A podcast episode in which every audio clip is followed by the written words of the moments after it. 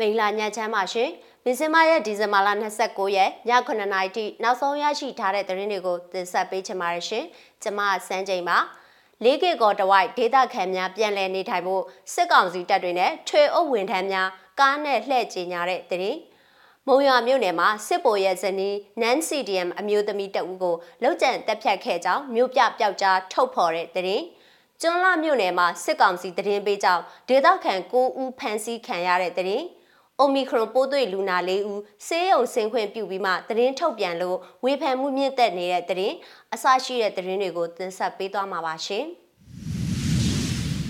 ပထမဆုံးတင်ဆက်ပေးခြင်းတဲ့သတင်းကတော့စစ်တပ်နဲ့ကရင်အမျိုးသားအစည်းအရုံးဦးဆောင်တဲ့ပူပေါင်းတပ်ဖွဲ့များတိုက်ပွဲပြင်းထန်နေဆဲဖြစ်တဲ့ကရင်ပြည်နယ်မြဝတီခရိုင်လေးကေကော်မြို့တင်မှာဒေသခံတွေအနေနဲ့ပြန်လည်နေထိုင်နိုင်ပြီဖြစ်ကြောင်းစစ်ကောင်စီတပ်တွေနဲ့ထွေအုပ်ရုံးဝန်ထမ်းတွေကဒီဇင်ဘာလ28ရက်မှာမြဝတီခရိုင်တွင်ကားနဲ့လိုက်လံကြေညာနေကြောင်းဒေသခံတွေကပြောပါရယ် ဒေသခံတအူးပေးပို့တဲ့ရုပ်တံဖိုင်မှာစစ်တပ်အနေနဲ့နယ်မြေရှင်းလင်းခြင်းမှာ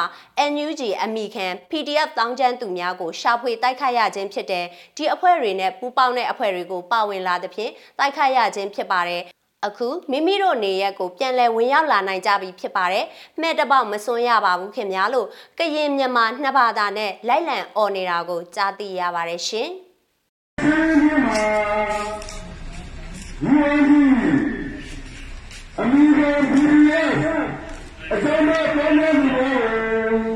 သံဃာတဲ့ဖြစ်ဖြစ်ပါလေဒီဖွဲ့ရတဲ့ဘုရားနဲ့ဖွဲ့ဘာဝင်လာတဲ့တိုက်ခိုက်မှုဖြစ်ပါလေယခုမိမိတို့မြင်ရတဲ့ဘယ်လိုမျိုးနာမည်ရပြီးဖြစ်ပါလေမှန်တယ်မဆိုးရပါဘူးခင်ဗျာ မုံရွာမြို့ကတည်းနဲ့ဆက်ချင်ပါတယ်။ စကိုင်းတိုင်းမုံရွာမြို့အနီးမှာစစ်ဗိုလ်တအူးရဲ့ဇနီးကိုလောက်ကျန်တက်ဖြတ်ခဲ့ကြောင်းချင်းတွင်း Attack Force မုံရွာခရိုင်တပ်ရင်းနှစ်မှထုတ်ပြန်ကြေညာပါတယ်။ဒီဇင်ဘာလ28ရက်မနက်9:00နာရီအချိန်ခန့်မှာဒေါ်ဤဖြိုးစုဆိုသူကိုတနက်နဲ့9ချက်ပစ်ခတ်ခဲ့ပြီးတေဆုံသွားကြောင်းဆိုပါတယ်။မုံရွာမြို့ချမ်းမြဝတီရက်ကွက်ရေကူးကန်လမ်းနဲ့16လမ်းတောင်အနီးမှာမုံရွာခရိုင်တပ်ရင်းနှစ်ရဲ့အထူးစစ်စင်ရေးအဖွဲ့နဲ့အထူးကွန်မန်ဒိုတပ်ဖွဲ့မှလှုပ်ဆောင်ခဲ့တာဖြစ်တယ်လို့လည်းဆိုပါတယ် တေဆုံသွားသူဟာမုံရွာနယ်စီမံခန့်ခွဲရေးရုံးမှာလက်ရှိအလုပ်လုပ်ကိုင်နေပြီးနန်စီဒီယမ်ဝန်ထမ်းတဦးဖြစ်ပြီးသူ့ရဲ့အမျိုးသားဖြစ်သူမှာမုံရွာမြို့ကြောက်စစ်ပုံအမြောက်တပ်မှဗိုလ်ကြီးမျိုးမြင့်အောင်ဖြစ်ကြောင်းဖော်ပြထားပါတယ်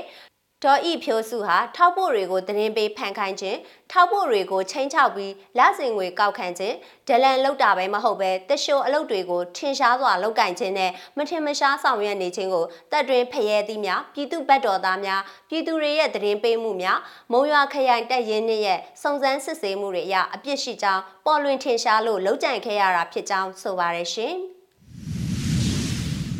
ကျွန်းလာမြို့နယ်ကသတင်းကိုလည်းတင်ဆက်ပေးပါမယ်။စကိုင်းတိုင်းကျွန်းလာမြို့နယ်အတွင်းရှိကျေးရွာအချို့မှာစစ်ဘေးရှောင်နေတဲ့ဒေသခံ9ဦးဟာပြည်သူ့ကာကွယ်ရေးတပ်တွေကိုထောက်ပံ့နေကြောင်းဒလန်တွေရဲ့ဆွဆွဲသတင်းပေးမှုကြောင့်စစ်ကောင်စီတပ်ကဖမ်းဆီးလိုက်ကြောင်းဒေသခံကပြောပါရယ်။ PDF ကိုထောက်ပံ့နေဆိုပြီးဒလန်တွေသတင်းပေးတွေနဲ့ကျေးရွာအတွင်းကိုဝင်ရှာတာကျွန်းလမြို့နယ်ကစွန်းအင်းကျေးရွာဘိုးအင်းကျေးရွာတွေပါနောက်ကောလင်းမြို့နယ်ကျုပ်ပင်ကျေးရွာအုတ်တိုက်ကုန်းကျေးရွာတကောင်းအိုင်ကျေးရွာနဲ့အုတ်တိုက်ကုန်းကလူတွေလည်းပါတယ်ကောလင်းကလူတွေကဒီကိုစစ်ပေးလာရှောင်နေကြတာစုစုပေါင်း9ဦးပါသူတို့ကိုစစ်ရက်ဟက်ရင်နဲ့ခေါ်သွားတယ်မုံရွာနမခကိုခေါ်သွားတယ်လို့ကြားတယ်အတိကြတော့ဘယ်ကိုခေါ်သွားလဲမသိဘူးလို့ဒေသခံတအူးကပြောပါတယ် ဒီဇင်ဘာလ22ရက်နေ့ကကျွန်းလာမြို့ကနေ25မိုင်ကွာဝေးတဲ့ကစွန်းအင်းကျေးရွာကိုစစ်ရက်ဟက်ရင်နှစ်စင်းနဲ့တက်ကူလာချပြီးတော့ကောလင်းမြို့နယ်ကျုပ်ပင်ကျေးရွာမှာစစ်ကြောင်းတစ်ကြောင်းစုစုပေါင်းစစ်ကြောင်းနှစ်ကြောင်းနဲ့ကစွန်းအင်းကျေးရွာအနီးတစ်ဝိုက်မှာပြစ်ခတ်ရှာဖွေမှုတွေလှုပ်ဆောင်ခဲ့ကြောင်းသိရပါဗျ။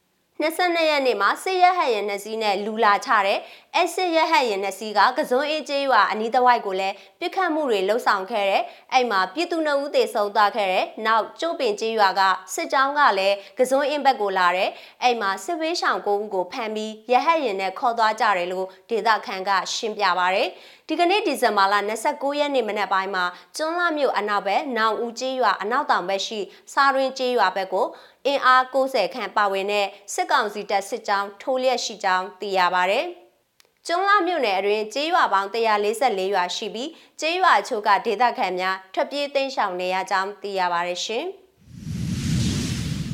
နောက်ဆုံးတင်ဆက်ပေးချင်တဲ့သတင်းကတော့ UAE နိုင်ငံဒူဘိုင်းမြို့ကပြန်လာတဲ့မြန်မာနိုင်ငံသား၄ဦးမှာ Omicron ရောဂါပိုးစစ်ဆေးတွေ့ရှိကြောင်းမနေ့ကဒီဇင်ဘာလ28ရက်ည9:00နာရီမှာစစ်ကောင်စီလက်အောက်ခံကျန်းမာရေးဝန်ကြီးဌာနကထုတ်ပြန်ကြေညာပါတယ်။စစ်ကောင်စီလက်အောက်ခံကျန်းမာရေးဝန်ကြီးဌာနက Omicron တွေ့ရှိမှုကိုအချက်၅ချက်နဲ့ထုတ်ပြန်ခဲ့ရာအချက်3နဲ့4မှာဖော်ပြထားမှုပေါ်ဝေဖန်မှုမြင့်တက်ခဲ့တာဖြစ်ပါတယ်။အဲ့ဒီဝင်ကြီးဌာနကထုတ်ပြန်ချက်တွေကိုအမြဲတမ်းဖတ်တယ်လူနာလေအောင်မရေးတတ်ဘူးထင်တယ်ကျွန်တော်နားလေတလောက်ဆိုရင်ပြန်ဝင်လာတဲ့သူတွေထဲကယောဂပိုးသိရှိတဲ့ဓာတ်ခွဲနမူနာလူ30ကိုဒီဇင်ဘာလ14ရက်မှာစတင်စစ်ဆေးတယ်တဲ့ဒါဆိုဘယ်ရက်ကဝင်လာတဲ့သူတွေလဲနောက်တစ်ခုဒီဇင်ဘာလ28ရက်မှာထပ်စစ်ဆေးတဲ့အဖြစ်အရအိုမီခရွန်ပိုးကူးစက်ခံရသူ၄ဦးတွေ့တယ်လူ30ရဲ့စစ်ချက်ကို14ရက်လောက်ကြာအောင်စစ်ဆေးရတာလားတစ်ဖက်မှာကလည်းလူနာတွေကိုယောဂလက္ခဏာမပြလို့ဆေးရုံကနေဆင်းခွင့်ပြုလိုက်တယ်ဆိုတော့ဘယ်နေ့ဆေးရုံတင်ပြီးဘယ်နေ့ဆေးရုံဆင်းခွင့်ပြုတယ်ဆိုတာမျိုးမပါဘူးအရန်ကိုပေါ်ရော့လွန်းပါတယ်မင်းမြန်အကြံပြုချင်တာအတွက်လဲ comment ကပိတ်ထားသေးတယ် PPO လုပ်တဲ့အပေါက်မျိုးတွေ့ရတယ်ထုတ်ပြန်ချက်ကတိကျစွာမထုတ်ပြန်ပဲရေပုံရသဘောမျိုးဆန်နေတယ်လို့အမီမဖော်လို့သူကျမ်းမာရေးဝန်ထမ်းတက်ကသူ့အမြင်ကိုပြောပါတယ် အဲ့ဒီအချက်သုံးနဲ့လေးထုတ်ပြန်ချက်မှာပြည်ပနိုင်ငံများမှပြန်လည်ရောက်ရှိလာသူများနဲ့ COVID-19 ရောဂါပိုးတွေ့ရှိသောဓာတ်ခွဲနမူနာ30ခုအား14ရက်12လ2021ရက်နေ့တွင် COVID-19 ရောဂါမျိုးရိုးဗီဇစတင်စစ်ဆေးခြင်းအားဆက်လက်ဆောင်ရွက်ခဲ့ပါသည်28ရက်12လ2021ရက်နေ့တွင်ရရှိသောစစ်ဆေးမှုအဖြစ်အရ UAE နိုင်ငံဒူဘိုင်းမြို့မှ relief flight ဖြင့်ပြန်လည်ဝင်ရောက်လာသူမြန်မာနိုင်ငံသား၄ဦး၏တက်ခွဲနမူနာများတွင် SARS-CoV-2 variant Omicron ရောဂါပိုးတွေ့ရှိရပြီးကြံတက်ခွဲနမူနာ26ခုတွင် SARS-CoV-2 variant Delta ရောဂါပိုးတွေ့ရှိရကြောင်းနဲ့ Omicron ရောဂါပိုးတက်ခွဲတွေ့ရှိသူ၄ဦးအနက်တဦးသာလင်တာမန်ရောဂါလက္ခဏာတွေ့ရှိရပြီးကြံ3ဦးဒီရောဂါလက္ခဏာမတွေ့ရှိရပါရင်းပုတ်ကို၄ဦးစလုံးအားကုသရေးစင်တာများတွင်စောင့်ကြပ်ကြည့်ရှု၍တတ်မှတ်ရက်ပြည့်မြောက်ပြီးကျန်းမာရေးကောင်းမွန်သောကြောင့်ကုသရေးစင်တာမှဆင်းခွင့်ပြုပါသည်လက်ရှိအချိန်တွင်လည်းအဆိုပါပုတ်ကို၄ဦးဒီကျန်းမာရေးကောင်းမွန်လျက်ရှိကြောင်းသတင်းရရှိပါသည်လို့ထုတ်ပြန်ကြေညာခဲ့ပါတယ်အဲ့လိုရေးသားထုတ်ပြန်ချက်ပေါ်ဝေဖန်မှုမြင့်တက်နေခြင်းလည်းဖြစ်ပါတယ်